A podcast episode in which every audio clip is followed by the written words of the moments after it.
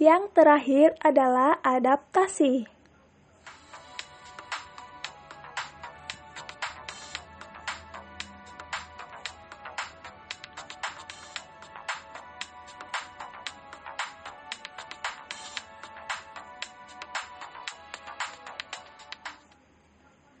Bertahan untuk hidup dengan cara menyesuaikan dengan lingkungan disebut adaptasi.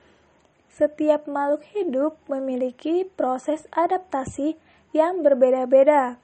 Hal ini sesuai dengan kemampuannya dalam menghadapi situasi serta kondisi di lingkungan. Secara umum, macam-macam adaptasi ini dapat dibedakan menjadi tiga, yaitu bentuk tubuh atau morfologi, adaptasi proses metabolisme tubuh atau fisiologi, dan adaptasi perilaku. Secara adaptasi morfologi, bentuk paru setiap burung dan bentuk gigi hewan berbeda-beda. Ketentuannya tergantung jenis makanannya.